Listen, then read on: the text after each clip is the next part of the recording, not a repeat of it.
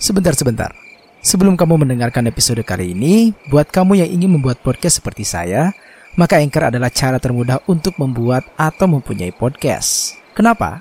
Karena di dalam aplikasi Anchor terdapat fitur-fitur yang memudahkan kamu untuk membuat podcast. Anchor juga bisa membantu untuk mendistribusikan podcast kamu secara luas, seperti Spotify dan platform podcast lainnya. Langsung saja download aplikasi Anchor A N C H O R di App Store dan Play Store.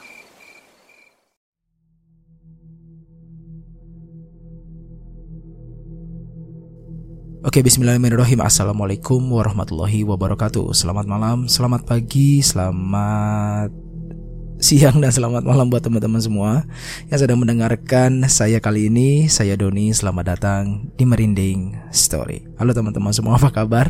Semoga teman-teman selalu dalam keadaan sehat walafiat, selalu dalam lindungan Allah Subhanahu wa taala dan tentu saja semoga teman-teman selalu terhindar dari virus COVID-19 yang sampai hari ini masih mengancam kesehatan kita semua. Oke, teman-teman, saya kembali lagi di podcast Branding Story tentunya. Mohon maaf sekali dua minggu ke belakang saya tidak update story ya teman-teman karena memang uh, kondisi badan saya yang sangat drop sekali. Oh, kayaknya bosen banget ya setiap kali saya uh, apa namanya, setiap kali saya nggak upload pasti alasannya drop, drop, drop. Tapi ya memang itu kenyataannya. Jadi dua minggu itu saya ya agak sedikit kurang enak badan lah kayak batuk demam dan segala macamnya sampai alhamdulillah hari ini saya baru bisa recording lagi baru bisa menyapa teman-teman semua di sini ya. Oke, baik teman-teman, kita langsung saja. Jadi hari ini kita akan mendengarkan satu cerita yang tentunya cerita ini ditulis oleh dua and only Mas Restu Wiratmaja ya, judulnya Teror pocong ireng. Dan teror pocong ireng ini akan dibagi menjadi tiga bagian ya. Ada po uh, teror pocong ireng. Jadi begini, uh, teror pocong ireng ini uh, ada tiga sumber, ada tiga narasumber. Yang pertama itu teror pocong ireng yang terjadi di Pemalang, yang kedua adalah teror pocong ireng yang terjadi di Tegal, dan yang ketiga itu teror pocong ireng yang terjadi di Pekalongan. Jadi buat teman-teman yang di Pemalang, Tegal ataupun Pekalongan mungkin pernah mendengarkan uh, mitos atau isu tentang pocong ireng ini. Nah, untuk episode kali ini kita akan mengetahui dulu, kita akan uh, mendengarkan cerita mengenai teror pocong ireng dari versi daerah Pemalang.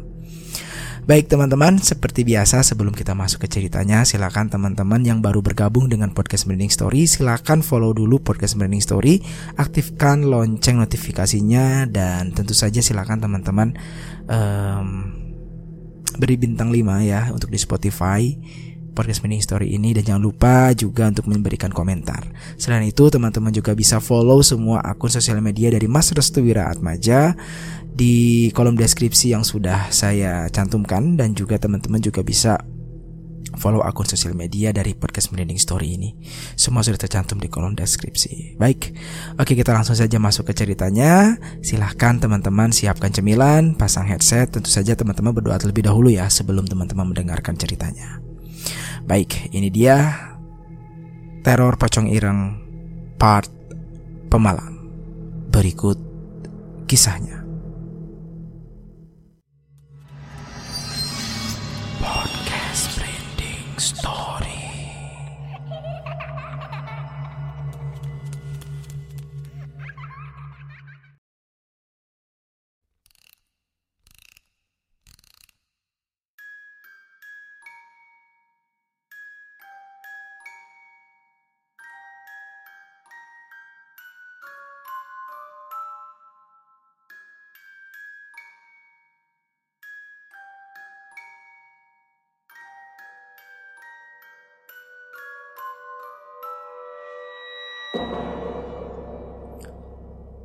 Seperti yang saya bilang tadi bahwa cerita ini diambil dari tiga narasumber dari tiga wilayah. Yang pertama itu Pemalang, yang kedua Tegal, yang ketiga itu adalah Pekalongan.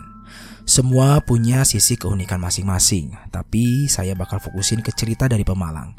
Karena dari sini, roman seremnya ini dapat banget. Sayang sekali urban legend se-epic ini di zaman milenial ataupun di zaman sekarang ini banyak yang tidak tahu menau untuk yang lahir tahun 70-an pun belum tentu mengetahui hal semacam ini Karena cerita ini menjadi sebuah aib tersendiri atau bahkan menjadi momok menakutkan bagi tiap daerah yang terdampak di dalamnya Terkhusus daerah Jawa Tengah saya tidak akan bercerita banyak mengenai pandangan dari kedua tempat yaitu Tegal dan Pekalongan karena pembahasan saya akan terfokuskan kepada daerah Pemalang. Namun ada juga yang berada dari uh, Banjarnegara. Bukan hanya itu, daerah Salatiga juga pernah mendapati teror semacam ini. Nah, menurut pandangan orang Tegal dan juga Pekalongan yang saya temui, pocong ireng atau pocong hitam merupakan sebuah mitos yang digunakan untuk menakuti anak-anak kecil agar tidak keluar rumah setelah maghrib. Tapi pada faktanya, banyak simpang siur dan banyak menciptakan perbedaan. Ada yang bilang karena pesugihan atau hanya gentayangan semata karena meninggal dengan cara yang tidak mengenakan, yaitu terbakar. Seperti yang tadi saya bilang, bahwa pocong ireng ini digunakan untuk menakut-nakuti anak kecil. Apa memang benar? Ya, benar. Hal ini terjadi pada salah satu anak di daerah Pekalongan yang sedang bermain petak umpet. Sebut saja Karyo. Karyo biasa bermain dengan teman-temannya di depan rumah Pak Doyo. Karyo tipe orang atau tipe anak yang pemberani dan arogan. Saking beraninya, dia pernah bersembunyi di makam yang angker, tempat di mana dikuburnya para korban pesugihan atau para pelaku pesugihan. Untuk desanya mungkin berbatasan dengan daerah Pemalang. Desa itu diapit oleh sawah yang sangat luas. Konon, desa M yaitu desa tempat para pelaku pesugihan, sering meneror desa W dengan mengganggu anak-anak kecil. Karyo ini berada di desa W, dan memang faktanya desa W lebih maju dibanding desa M. Lah kok bisa? Karena rata-rata hasil pertaniannya selalu berhasil. Begitupun juga dengan hasil ternaknya. Selain itu, tempat ini juga sebagai tempat transit para pendatang yang akan melanjutkan ke daerah Batang atau Pekalongan Utara. Karyo bermain dengan temannya yang kala itu berjumlah lima orang. Padahal orang tuanya telah memperingatkan untuk tidak bermain setelah azan maghrib. Jangan pulang lagi, tidur di luar. Ucap Bu Cici, ibunda Karyo. Karyo hanya tertawa dan berlari tanpa memikirkan ada bahaya yang akan mengancamnya. Siapa yang jaga? Tanya Karyo. Adit, ayo sembunyi. Adit berjaga. Dia menutup matanya dan berhitung hingga 50. Sandarannya adalah tembok rumah Pak Dodo. Karyo, Rohim, Sastro, dan Rusman bersembunyi. Namun mereka berpencar ketika berada di belakang rumah Pak Dodo. Eh, kamu yakin bakal sembunyi di sini? Tanya Rohim. Ya, bagaimana lagi? Yang penting jangan ketahuan. Ucap Sastro. Mereka bingung, sedangkan hitungan sudah mencapai 30. Karyo dan yang lainnya masih belum tahu tempat bersembunyi mana yang cocok untuk mereka. Uh, aku di kandang sama Rohim. Uh, Karyo sama Rusman, kamu di mana? Karyo langsung berlari menuju pohon salak yang tumbuh liar di dekat kandang. Eh, Rio, mau ke mana? Tunggu dulu. Tanya Rusman. Man, jaga anak itu. Ucap Rohim. Rusman berlari mengejar Karyo yang sudah bersembunyi. Entah mereka tahu atau tidak, orang tua dari mereka mencari ke sana kemari. Tampaknya teror pocong ireng itu akan segera dimulai. Pak, Karyo belum datang. Ucap Bu Cici. Hah? Di mana? Tanya Pak Subhan. Rumahnya Pak Dodo. Jelas Bu Cici. Ya udah, kita susul sekarang. Jelas Pak Subhan. Sementara itu, Adit mencari mereka yang sedang bersembunyi. Di mana kamu, Yo? Tanya Adit. Di belakang kali. Ucapnya. Adit mendengar suara hentakan kaki di kandang kambing. Pikirnya, ada orang yang bersembunyi di situ. Adit mendekati secara perlahan. Langkah kakinya dipelankan. Dia menghindari menginjakan kaki di ranting kering, di daunan, dan juga bekas botol-botol yang berserakan. Begitu Adit telah berada di bibir pintu kandang, dia mendapati dua orang yang sedang menunduk kepala. Heh, apa tidak bau sembunyi di sini?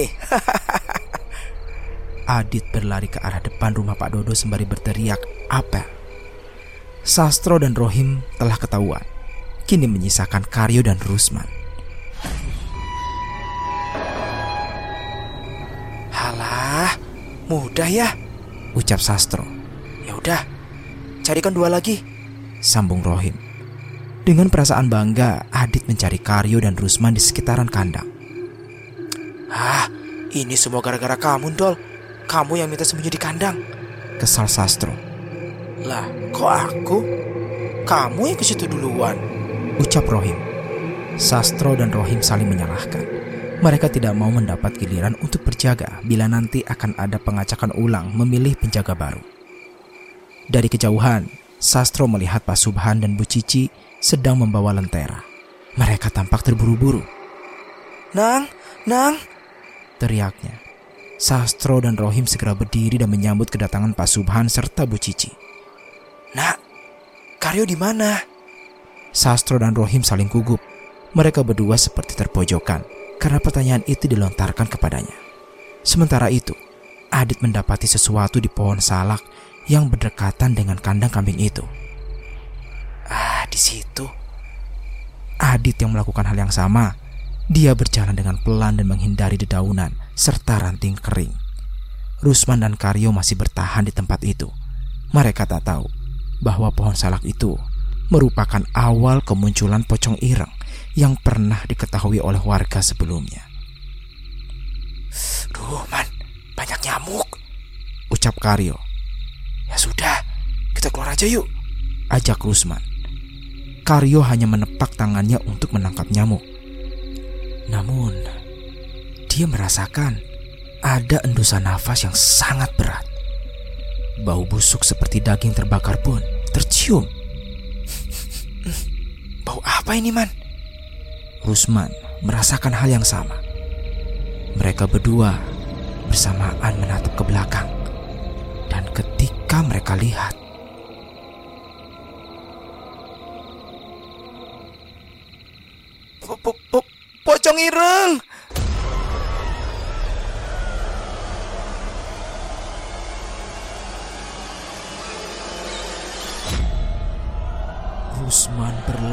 meninggalkan Karyo. Sedangkan Karyo hanya terdiam menatap wajah buruk pocong itu. Ampun, ampun. Ucap Karyo. Rusman yang keluar dari tempat ia bersembunyi mengagetkan Adit. Kenapa kamu teriak-teriak? Ucap Adit. Ada pocong hitam. Ucap Rusman. Eh, Karyo mana? Tanya Adit. Kar, eh, lah, tadi, tadi di belakang. Rusman bingung. Dia berlari ke arah depan rumah Pak Dodo. Adit menyusul Rusman dari belakang. Dia juga tak ada pikiran untuk menyelamatkan Karyo. Teriakan Rusman membuat Pak Subhan dan Bu Cici bertanya-tanya. Nak, ada apa? Tanya Pak Subhan. Po- po- pocong ireng, Pak. Lah, Karyo, Karyo ada di mana? Karyo tertinggal. Aku takut. Eh, Lah, di, di mana? Eh, Pohon salak. Pak Subhan langsung berlari. Sementara itu Bu Cici menyuruh mereka untuk pulang ke rumahnya masing-masing. Beberapa warga mulai membukakan pintunya. Dia bertanya-tanya, dan apa yang sedang terjadi? Mengapa anak-anak masih berkeliaran di luar rumah? Eh, Ayo, aku bantu. Ucap beberapa warga.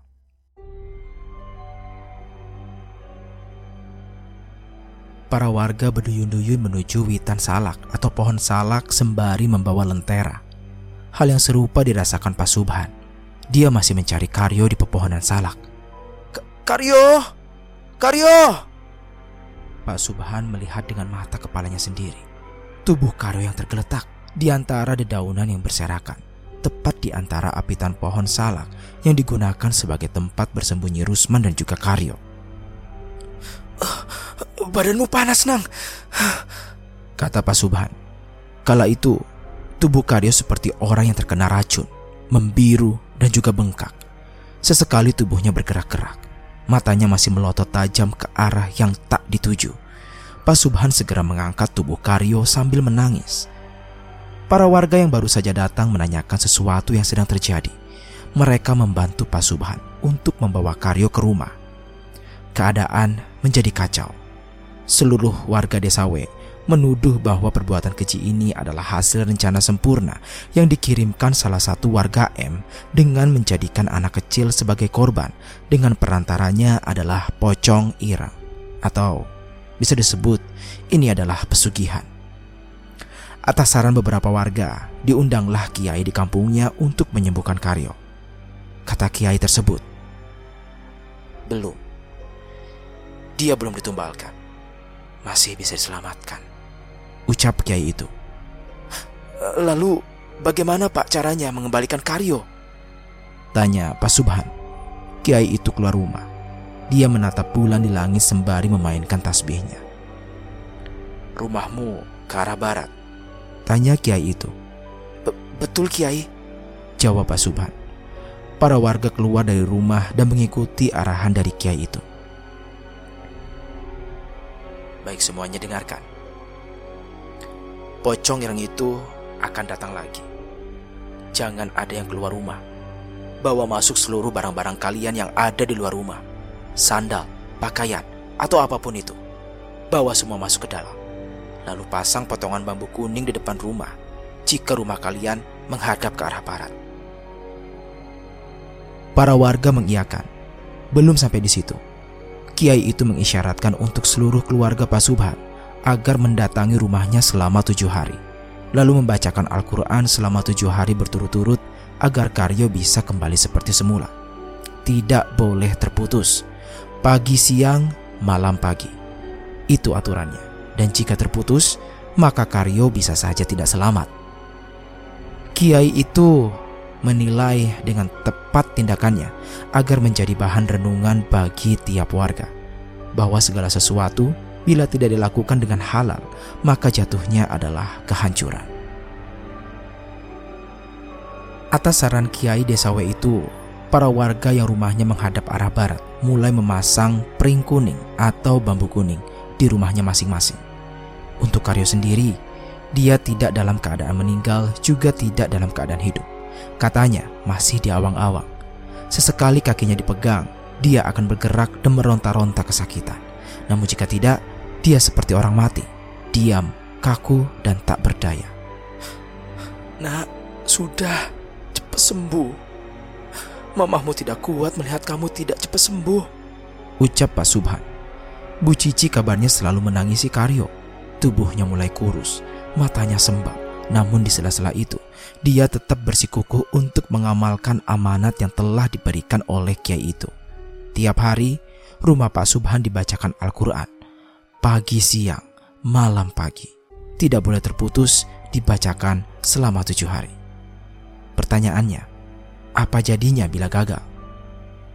Menurut narasumber itu sendiri, Karyo bisa saja meninggal dan dijadikan tumbal. Tapi pada dasarnya, tumbal itu bukan mengarahkan kepada Karyo. Kiai itu pun menjelaskan, Karyo hanya kaget ketika melihat pocong ireng itu tepat berada di belakangnya. Seharusnya dia berlari mengikuti Rusman. Namun dia hanya terduduk diam dengan terus menatap wajahnya. Alhasil, Karyo terkena sawan dengan badan yang membiru dan juga bengkak. Setelah ditelusuri, ternyata pocong ireng itu mengganggu warga yang notabene mempunyai garis perjalanan karir yang cukup baik. Di antaranya, keluarga itu memiliki ladang yang luas, sawah yang berhektar-hektar, kambing yang sangat banyak, rumah gedong, toko sembako yang ramai, atau pengusaha lainnya.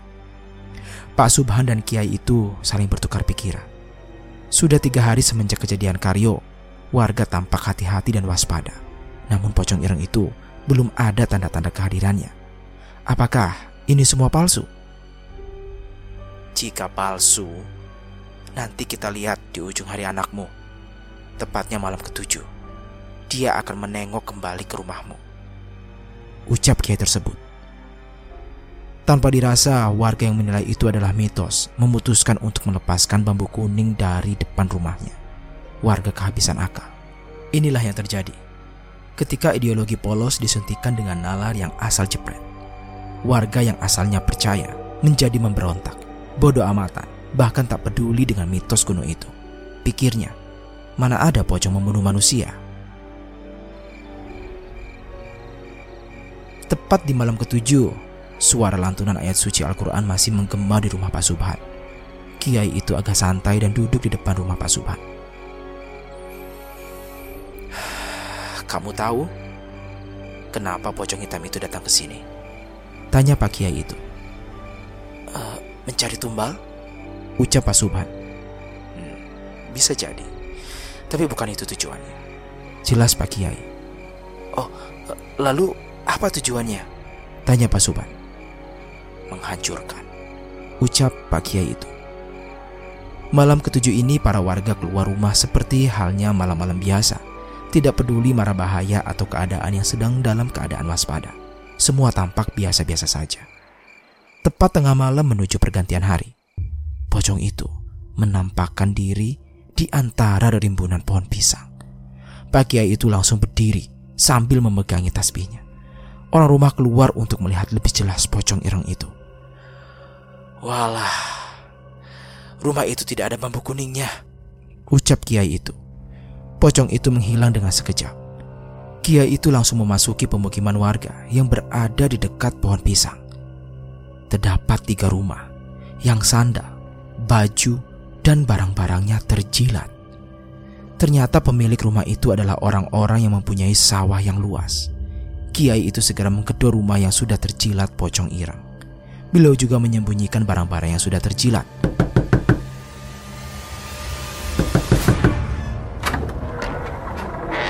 Oh, uh, Pak Kiai? Loh, sendalku di mana? Tanya Pak Suri, orang kaya di desa W. Pak Subhan yang melihat tingkah aneh Kiai itu langsung mendekatinya. Tampaknya ada sesuatu yang mengganjal. Uh, di mana bambu kuning itu? Tanya Pak Kiai tak buang, tidak terpakai? Ucap Pak Suri dengan santai. Kiai itu langsung memukul wajahnya dengan tasbih. Oh, sakit pak. Kenapa? Itu apa? Sandal, baju, handuk yang telah terjilat pocong itu mengeluarkan asap. Bekas jilatan pocong ireng itu terdapat cairan hitam yang memungkinkan bisa menjadi sumber untuk membunuh korbannya. Pak, Pak Kiai, itu apa? Tanya Pak Subhan. Cairan ini yang menyebabkan kematian korbannya. Jika orang yang tidak tahu cairan yang tertempel lalu memakainya, maka dia akan menjadi korban tumbal pocong ireng itu. Jelas Kiai. Kiai itu mengelilingi pemukiman warga. Lebih tepatnya, dia akan mengecek seluruh rumah warga yang tidak terpasang bambu kuning yang fungsinya untuk menangkal dan mencegah pocong ireng itu menjilati barang-barang yang berada di luar rumah. Terdapat 20 rumah warga yang sendalnya dibuang langsung oleh kiai itu.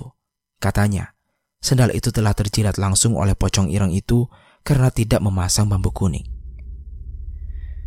Selama satu bulan, jika tidak mendapat korban, si pelaku akan menampakkan diri. Ucap kiai itu. Keesokan harinya, atas keberhasilan dan keteguhan hati dari keluarga Pak Subhan, Karyo sehat seperti biasanya. Dan kata dia, Aku ditahan di suatu tempat, lalu dicambuk dan disuruh menjawab siapa pemilik rumah yang kaya raya. Aku hanya menjawab tiga saja, salah satunya Pak Suri. Semua tampak normal, namun masih dalam ranah waspada. Rumah Pak Subhan menjadi ramai semenjak Kiai itu sering berkunjung ke rumahnya. Sudah hampir satu bulan. Dia belum muncul juga, Han. Maukah kamu saya bertugas? Tanya Kiai itu. Siap, Kiai. Jawabnya. Datanglah ke rumah A. Blok A. Ciri-cirinya rumahnya bertingkat. Kamu hanya lewat saja. Tidak usah menatap jendela sebelah kanan. Di situ kamarnya. Pak Subhan langsung menuju desa M yang bersebelahan dengan desa W. Dalam kunjungannya, dia teringat bahwa rumah itu hanya satu-satunya yang bertingkat. Tidak ada rumah lagi yang lebih mewah darinya. Pak Subhan ingat perkataan Pak Kiai itu. Hanya lewat. Jangan menatap jendela sebelah kanan, karena itu kamarnya. Desa itu sepi. Sedikit sekali aktivitas warganya. Warga di sana rata-rata pergi keluar daerah untuk bekerja di sana. Sedikit sekali yang memiliki sawah Tak heran jika desa M ini tergolong miskin dan pastinya warga di sekitaran desa M akan melakukan apa saja agar bisa hidup. Dan salah satunya adalah pesugihan. Ketika mencari-cari rumah yang dituju, Pak Subhan melewati sebuah rumah mewah. Namun di dalamnya terdengar keributan luar biasa. Pak Subhan tidak mau menguping. Dia terus berjalan dan pura-pura tak tahu. Dia hanya mendengar segelintir ucapan dari seorang laki-laki itu. Kiai bangsat! Ucap laki-laki yang berada di rumah tingkat itu. Pak Subhan segera berlari karena informasi ini sangat penting dan harus disampaikan. Keringat dingin kala itu mengucur sangat deras. Katanya, antara hidup dan mati mendengar ucapan laki-laki itu. Jika dia ketahuan karena mendengarkan sedikit dari ucapannya, bisa-bisa Pak Subhan akan diteror kembali. Karena desanya bersebelahan, 10 menit berlari pun sudah sampai. Sudah ketemu? Tanya Kiai. Sudah Kiai. Jawabnya. Ya sudah, istirahatlah. Besok rumah itu akan terbakar. Tapi sebelum itu, dia akan datang ke sini untuk menyerang lagi. Ucap Kiai itu. Loh, mau apa lagi Kiai? Tanya Pak Subhan. Menghancurkan. Ucap Kiai itu.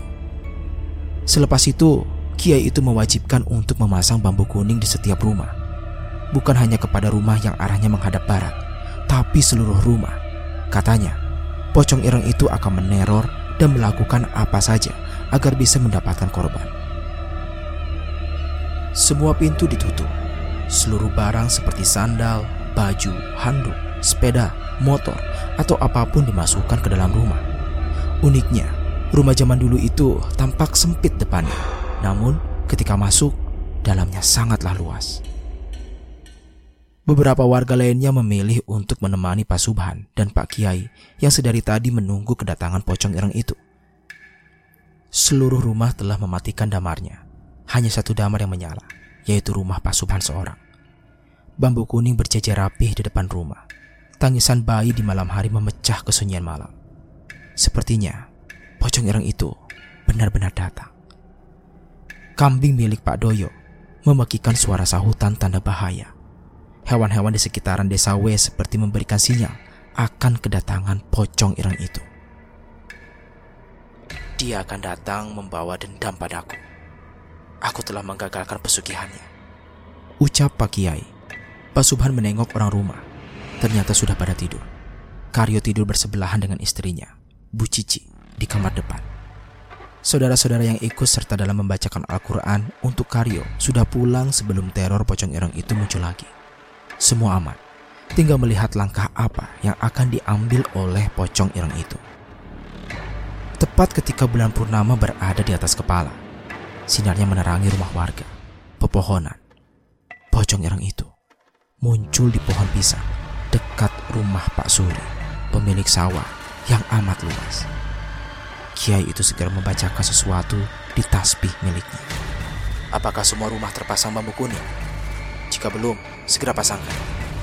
Saran Kiai itu. Sudah Kiai. Jawab warga. Pocong ireng itu menghilang.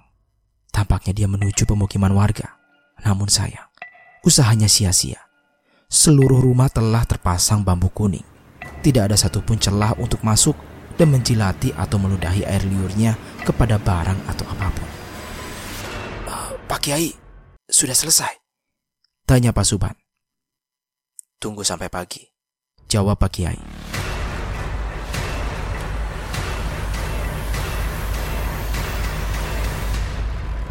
Semua berjalan dengan lancar hingga azan subuh menggema.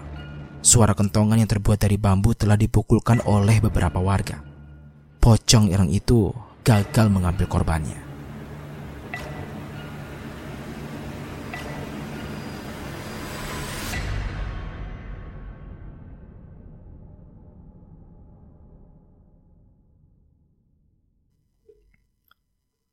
Pagi harinya, banyak warga M yang keluar rumah untuk memadamkan api di rumah tingkat yang pernah dikatakan oleh Kiai itu.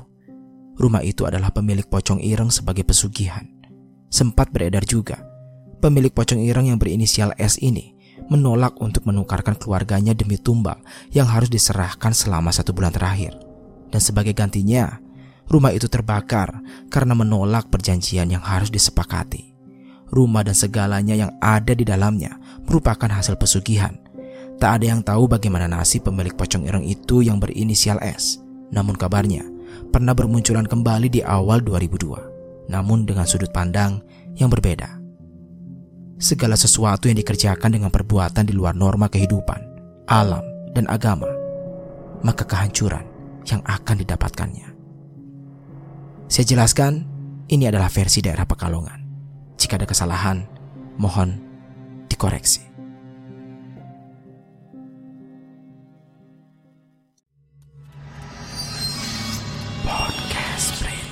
Story